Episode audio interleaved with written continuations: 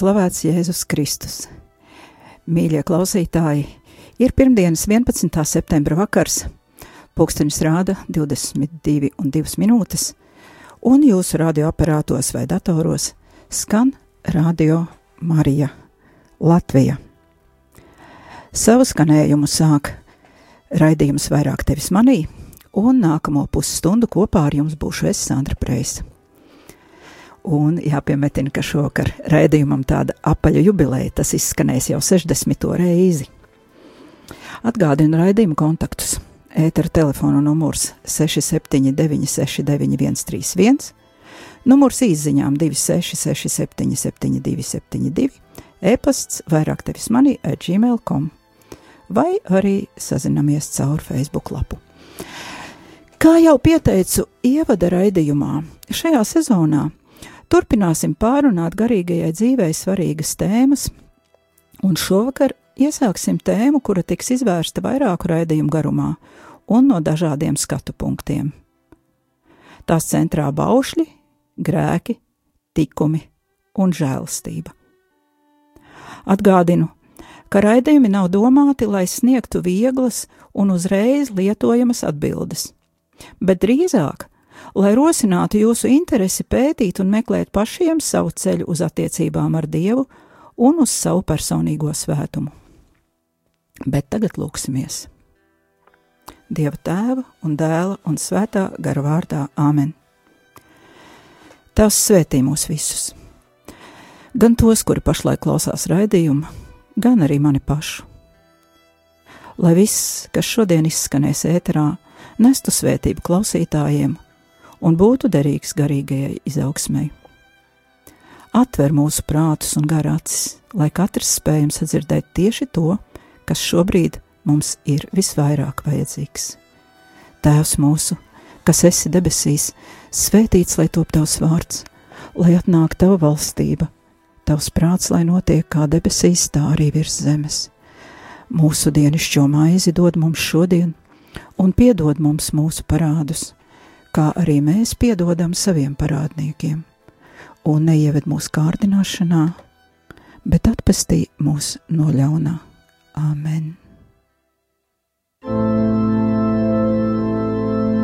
Nenocietiniet savas sirdīs, nenocietiniet savas sirdīs, nenocietiniet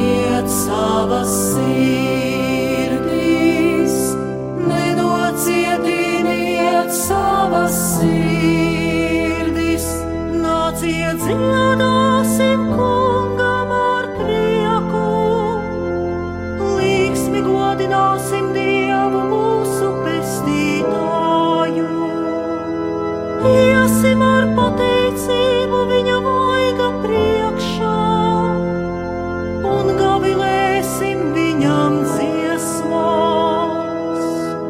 Nenocietiniet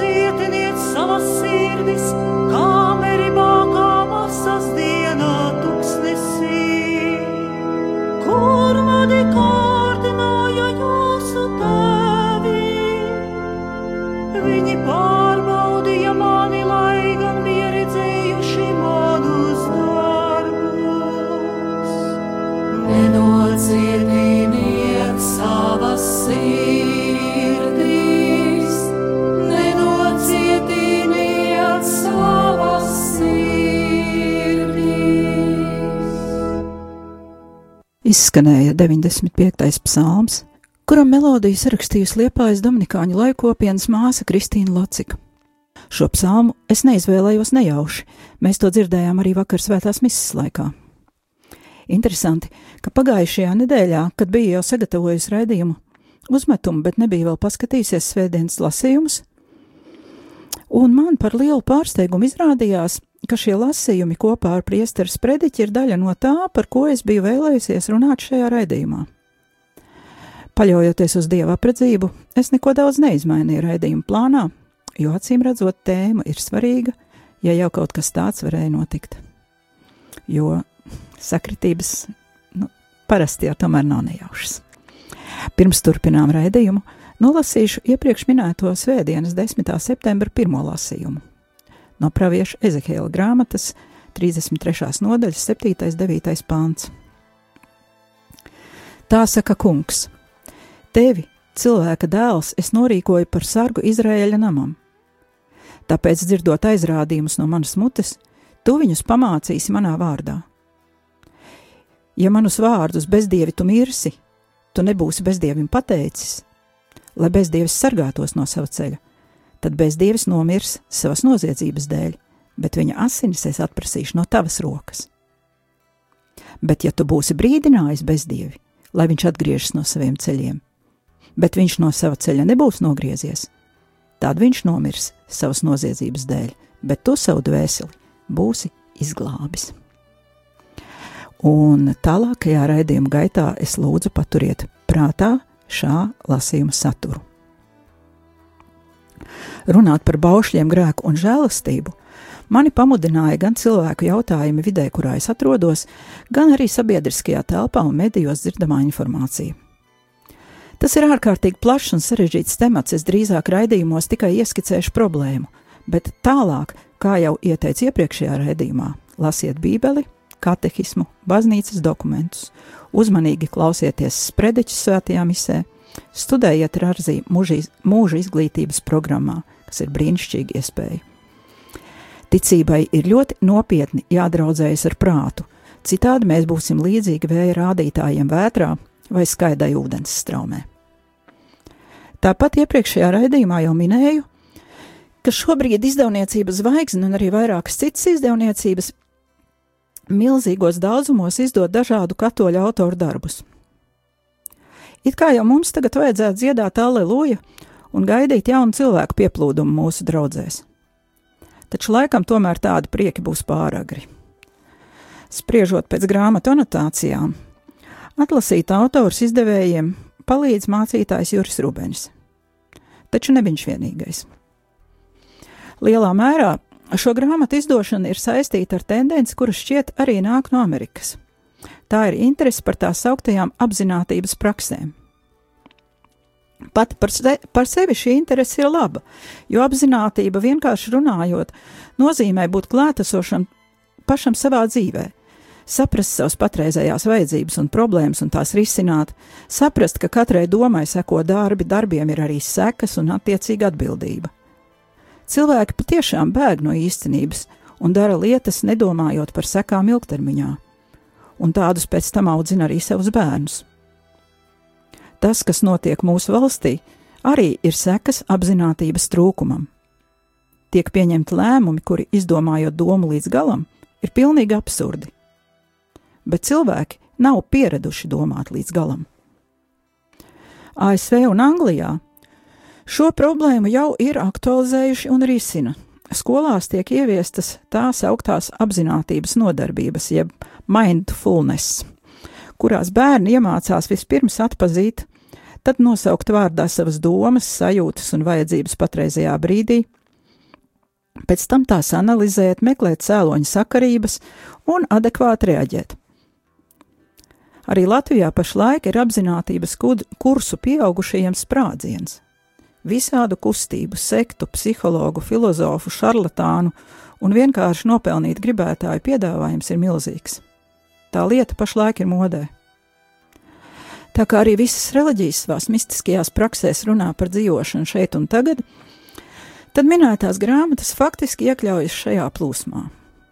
Tās tiek labi pirktas un laikam arī lasītas, neskatoties uz to augstajām cenām. Kā jau iepriekšējā raidījumā teicu, es netaisos raidījumos tiesāt ne šos autorus, ne mācītāju Juru Rubeni, ne arī šo grāmatu lasītājus. Mēs visi meklējam Dievu, un es gribētu domāt, ka tā nav vēlme nopelnīt, bet gan vienkārši labā griba kaut kādā veidā palīdzēt cilvēkiem, valstī un arī sev pašiem. Bez tam Jura Rubeņa sacītais – ka šī grāmata varētu lasītāju iedvesmot pirmo reizi mūžā atšķirt Bībeli, iespējams nav nemaz tik tālu no patiesības. Jo arī mani tā iedvesmoja, lai gan ne pirmo reizi, bet patiešām no jauna un uzmanīgi lasīt un meklēt. Gan Bībelē, gan citos baznīcas apstiprinātos avotos. Minētās grāmatas ir sarakstījuši katoļu teologi un arī priesteri. Pārsvarā saistīta ar cisterciešu garīgumu kas ir monastisks un ved uz kontemplatīvo dzīvi, bet arī citu katoliskās baznīcas garīguma pārstāvji. Tik tālu izklausās labi. Bet tagad lūdzu uzmanību.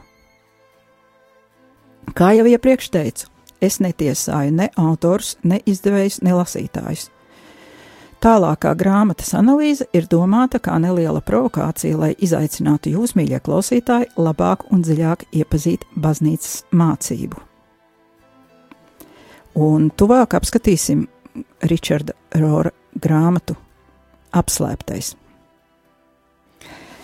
Pirmkārt, ir vērojama vispārēja tendence, ka pārsvarā tiek drukāti ASV liberālo katoļu darbi, kuri maigi izsakoties, pārāk brīvi interpretē baznīcas mācību, īpaši jautājumos par ģimeni, laulību un seksuālo identitāti. Viens no tādiem autoriem ir Franciskāņu mūks, vairs ne jauneklis, šobrīd 74 gadus vecs, vārdā Ričards Rors. Piemēram, grāmata apslēptais, kura tiek rekomendēta kā drošs un patiesas pavadonis vērīgam mūsdienu meklētājam. Kā jau tas parasti notiek, grāmatā tiek izmantotas atsauces uz baznīcas autoritātēm, piemēram, uz Andriju Delibaku, vienu no ievērojamākajiem otrā Vatikāna koncila teologiem, kurš esot runājis par klišejisku svēto rakstu izpratni. Citāts ir atrodams grāmatas 22. lapusē. Bet tūlīt pat nākamajā lapusē seko šāds teksts, citēju: Šajā grāmatā mēģināsim atrast saprātīgu vidusceļu, pozīciju starp šīm divām klišajām. Lai šo mērķi īstenotu, saprātīgā mērā es izmantošu kultūras studijas, psiholoģiju un vēsturi. Bet vienmēr mudināšu jūs sajust sirdī garu, kas jūs vada. Šāda pazemība un paļāvība neļaus jums augstprātīgi uztvert tekstu un pārsteigties ar secinājumiem tad jūs zināsiet paši. Nevis tādēļ, ka tā teikts Bībelē vai tā teicis Ričards Rors. Garīgajam briedumam vienmēr ir raksturīga uzticības pilna saspēle starp iekšējo un ārējo autoritāti. Citāta beigas. Ričarda Rora grāmata apslēptais 23. lapas puse. Tātad grāmatas mērķis ir atrast iespējami labāko veidu, kā saprast svētos rakstus, slavējami. Iespējams, ka man šobrīd nav pietiekamas pazemības un paļāvības, un es izdaru pārsteidzīgus secinājumus, kā saka autors. Bet šobrīd es esmu provokātori, nevis autoritātes lomā. Lai gan pagaidām citēju tikai 22. un 23. lapas pusi, esmu šo grāmatu izlasījis uzmanīgi līdz beigām, bet skatīsim tālāk. Pats autors piemin garīgo briedumu Lai lasītu grāmatas par dziļu garīgo dzīvi un nerastos nevajadzīgi pārpratumi, lasītājiem patiešām ir jābūt labi sagatavotam. Labi jāpārzina svētie raksti, katoliskās baznīcas katehisms un vispār baznīcas mācība. Ir jābūt pieredzē garīgajā dzīvē, un lasītājam vajadzētu zināt, kas tas par garu, kuru piemin autors, un ko nozīmē pazemība un paļāvība garam. Ir jāsaprot, ka tas vispār ir dieva gars, svētais gars, persona, ar kur cilvēks sadarbojas, un nevis kaut kāds gars. Bet frāze, tad jūs zināsiet paši šajā, šajā kontekstā, kaut kā izklausās ļoti pazīstami. Kaut kur jau ir dzirdēts, ka tad jūs paši mācīsiet noteikt, kas ir labs un kas ļauns. Bet lūk, ko Jēzus Jāņa evanģēlīja 8. nodaļā runā par cilvēku zināšanu. Citēju 14. pāns. Tad Jēzus viņiem atbildēja: Lai gan es liecinu pats par sevi, tomēr mana liecība ir patiesa, jo es zinu, no kurienes es esmu nācis un kurpēju. Bet jūs nezināt, no kurienes es nāku un kurpēju. Jūs spriežat kā cilvēki, Es ne par vienu nespriežu tiesu. Bet, ja es spriežu tiesu, mans spriedums ir pareizs, jo es neesmu viens, bet es un tēvs, kas mani sūtīs. Citāts ir no konteksta par laulības pārkāpšanu apsūdzēto sievieti, kuru gribēja nomētāt ar akmeņiem, tāpēc vēlreiz aicinu. Neieņemsim tiesneša pozīciju, nenomētāsim nevienu ar akmeņiem, bet meklēsim patiesību vispirms oriģinālā svētajos rakstos. Pieņemsim, ka autors pats ir cilvēks, kurš joprojām meklē.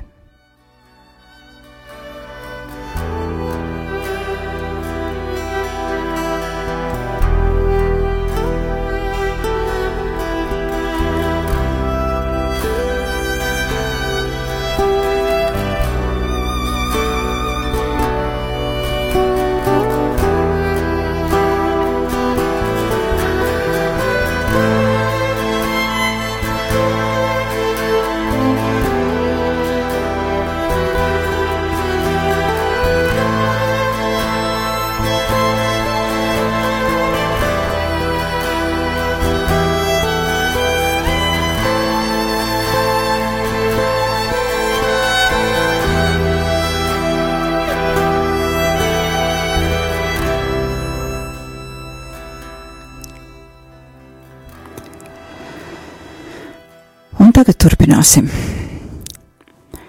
Iesācējam ticībā lielākā daļa no manis minētajām grāmatām visdrīzāk var sajaukt galvu, ja viņš savus spriedumus par baznīcas mācību balstīs vienīgi šajās zināšanās. Grāmatas ir par garīgo dzīvi ar Dievu, viss ir skaisti, taču nebūt ne tik vienkārši. Iesācējs ļoti viegli var apmaldīties informācijā un sākt uzskatīt par garīgo dzīvi savas pārdomas par izlasītajām grāmatām, savas fantāzijas un iekšējās sarunas pašam ar sevi, bet personiskās iztēles ainas uzskatīt par vīzijām. Tā, diemžēl, bieži notiek. Tas ir tā sauktais lasītāja pārdzīvojums, kurš var drīzāk sarežģīt garīgo dzīvi nekā to veicināt. Tas ir līdzīgi, kā ja mēs pirmās klases skolēniem liktu risināt ķīmijas vienādojumus, piemēram, oksidēšanās, reducēšanās reakcijas. Kaut kādas burtas jau viņi tur sarakstītu, jo lasīt viņi prot un rakstīt arī.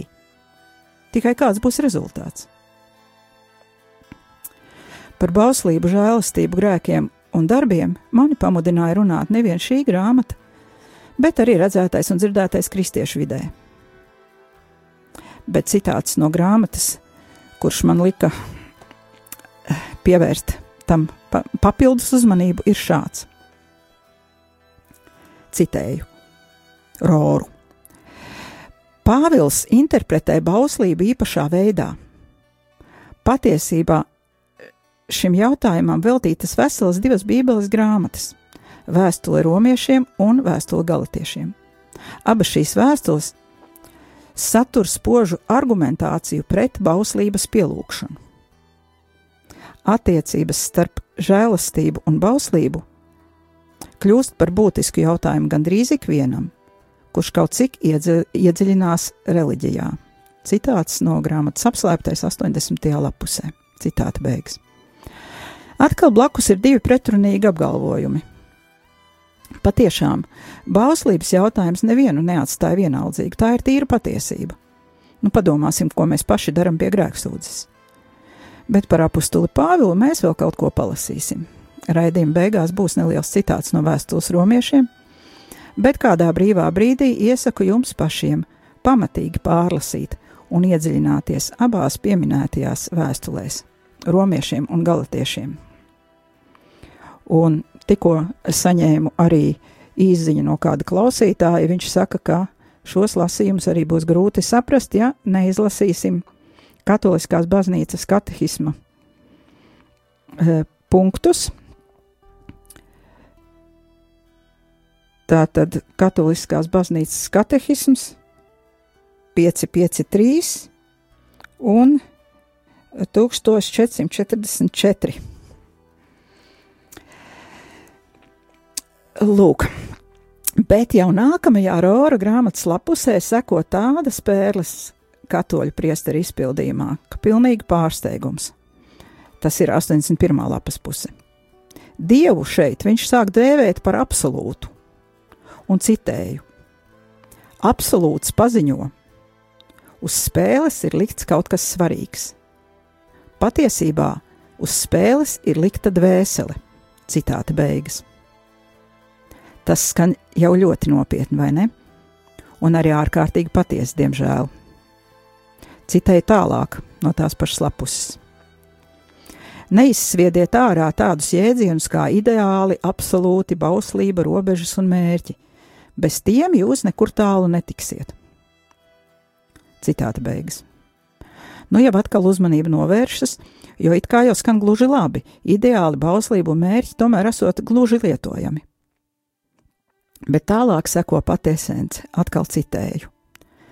Pāvilam vajadzīga lielākā daļa vēstules romiešiem un vēstules galatiešiem, lai pateiktu to, ko Dalai Lama ir ietvēris vienā teikumā. Un tagad uzmanību! lai zinātu, kā pienācīgi pārkāpt noteikumus, tie ir ļoti labi jāapgūst. Iekams rīkoties pretēji noteikumiem, tie vispirms ir jāiepazīst un jāievēro. Citāta beigas. Tātad šeit ir atklāts aicinājums rīkoties pretēji noteikumiem, respektīvi pretēji baznīcas mācībai, un Kristus vietā nezinu, no kurienes ir uzradies absolūts tālāk atļaušos teikt, ir murgs par kaut kādiem trīs apziņas līmeņiem, kur trešo apziņas līmeni autors piešķir kristumu. Un tā visa vidū autors jāsaka, vēl atsaucas, jāsaka, nekaunīgi atsaucas uz Kalnas prediķa fragmentu uh, Mateja evaņģēlijas 5.17. Nedomājiet, ka es esmu atnācis atmest bauslību vai praviešus. Es neesmu nācis tos atmest, bet piepildīt. Jo patiesi es jums saku, iekāms zeme un debesis zudīs, nezudīs neviena, nevis mazākā rakstu zīmīte, ne raksta galiņš no bauslības, iekām viss notiek. Ja kas atmet kādu no šiem vismazākajiem baušļiem un tā māca ļaudis, tas būs vismazākais debesu valstībā, bet ja kas dara un māca, tas būs liels debesu valstībā. Un kā tas iet kopā ar šo, šiem vārdiem, lai zinātu, kā pienācīgi pārkāpt noteikumus, tie ir ļoti labi jāapgūst. Kā iet kopā vārdi par pārkāpšanu ar šo citātu no evaņģēlī? Tāpēc būsim ļoti uzmanīgi, jo šajā pašā Mateja evaņģēlijā turpinājumā ir arī tāds pants. Bet es jums saku, Kas uz savu brāli dusmo, tas sodāms tiesā, bet kas saka uz savu brāli ģeķis, tas sodāms augstā tiesā, bet kas saka bezdievis, tas sodāms Elis ugunī. Tāpēc aicinu netiesāsim autoru un nesauksim par bezdievu, jo, kā Jēzus teica, jūs spriežat kā cilvēki. Es ne par vienu nespriežu tiesu, bet ja es spriežu tiesu, mans spriedums ir pareizs jo es neesmu viens, bet es un tēvs, kas mani sūtīs. Citāta beigas. Un visbeidzot, paklausīsimies, ko autors saka pats par sevi.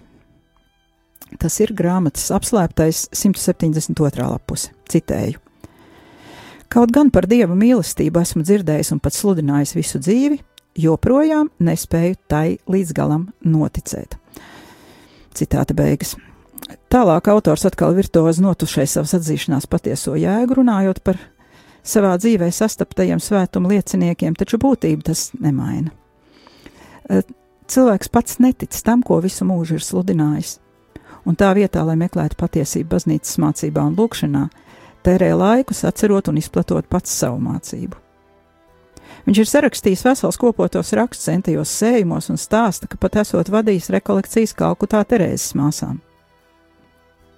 Arī apcerējumi par eneagrammu ir viņa gara bērns kopā ar autoru kolektīvu. Taču šī tā sauktā eneagramma drīzāk izskatās pēc mēģinājuma ielikt rāmītī svēto garu ar visām dāvanām, cilvēku sadalīt līmeņos. Pēc būtības tāds pseido-kristīga horoskopa paveids, bet cilvēkiem tas ļoti patīk. Var visus sadalīt augstākajos un zemākajos. Vai tad nav jauki, ja tu zini, ka esi par kādu augstāks? Tā ir nežēlīga spēle ar cilvēku dvēselēm, kur uzticas franciskāņu priesterim. Tās autoritātes dēļ, kur viņam dod piederība baznīcai. Tāpēc ļoti aicinu pieminēt šo cilvēku lūgšanās, un arī citus priesterus, kuriem ir smagi ticības pārbaudījumi. Bet raidījumu noslēdzot, es nolasīšu solītos lasījumus tos, uz kuriem atsaucās Rors, kurus vakar klausījāmies svētajā misē, un, kā jau minēju, kurus nevar saprast, neizlasot katehismu. Katehisma.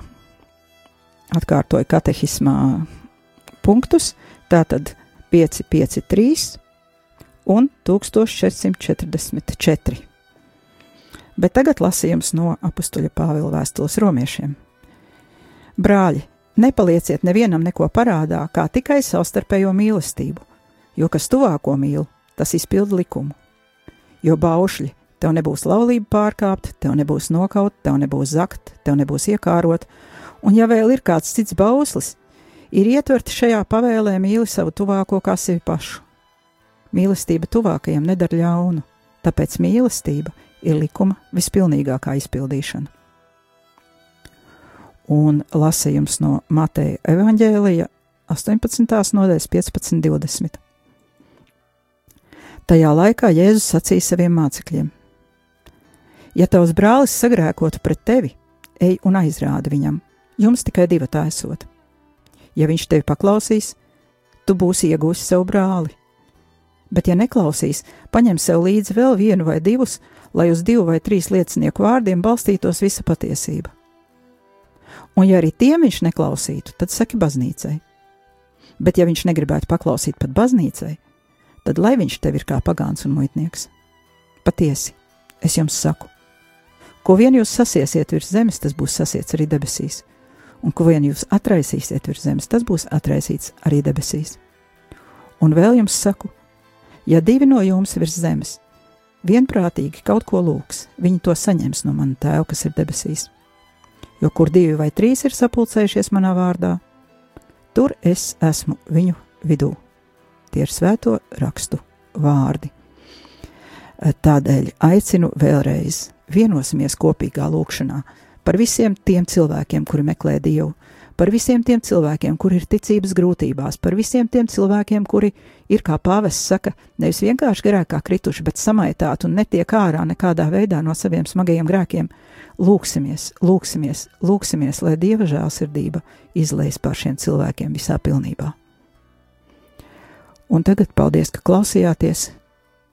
Raidījums vairāk tevis man izskan, es, Sandra Preisa, atvados no jums līdz nākamajai pirmdienai, un kopā Lūksim Dieva mīlestību.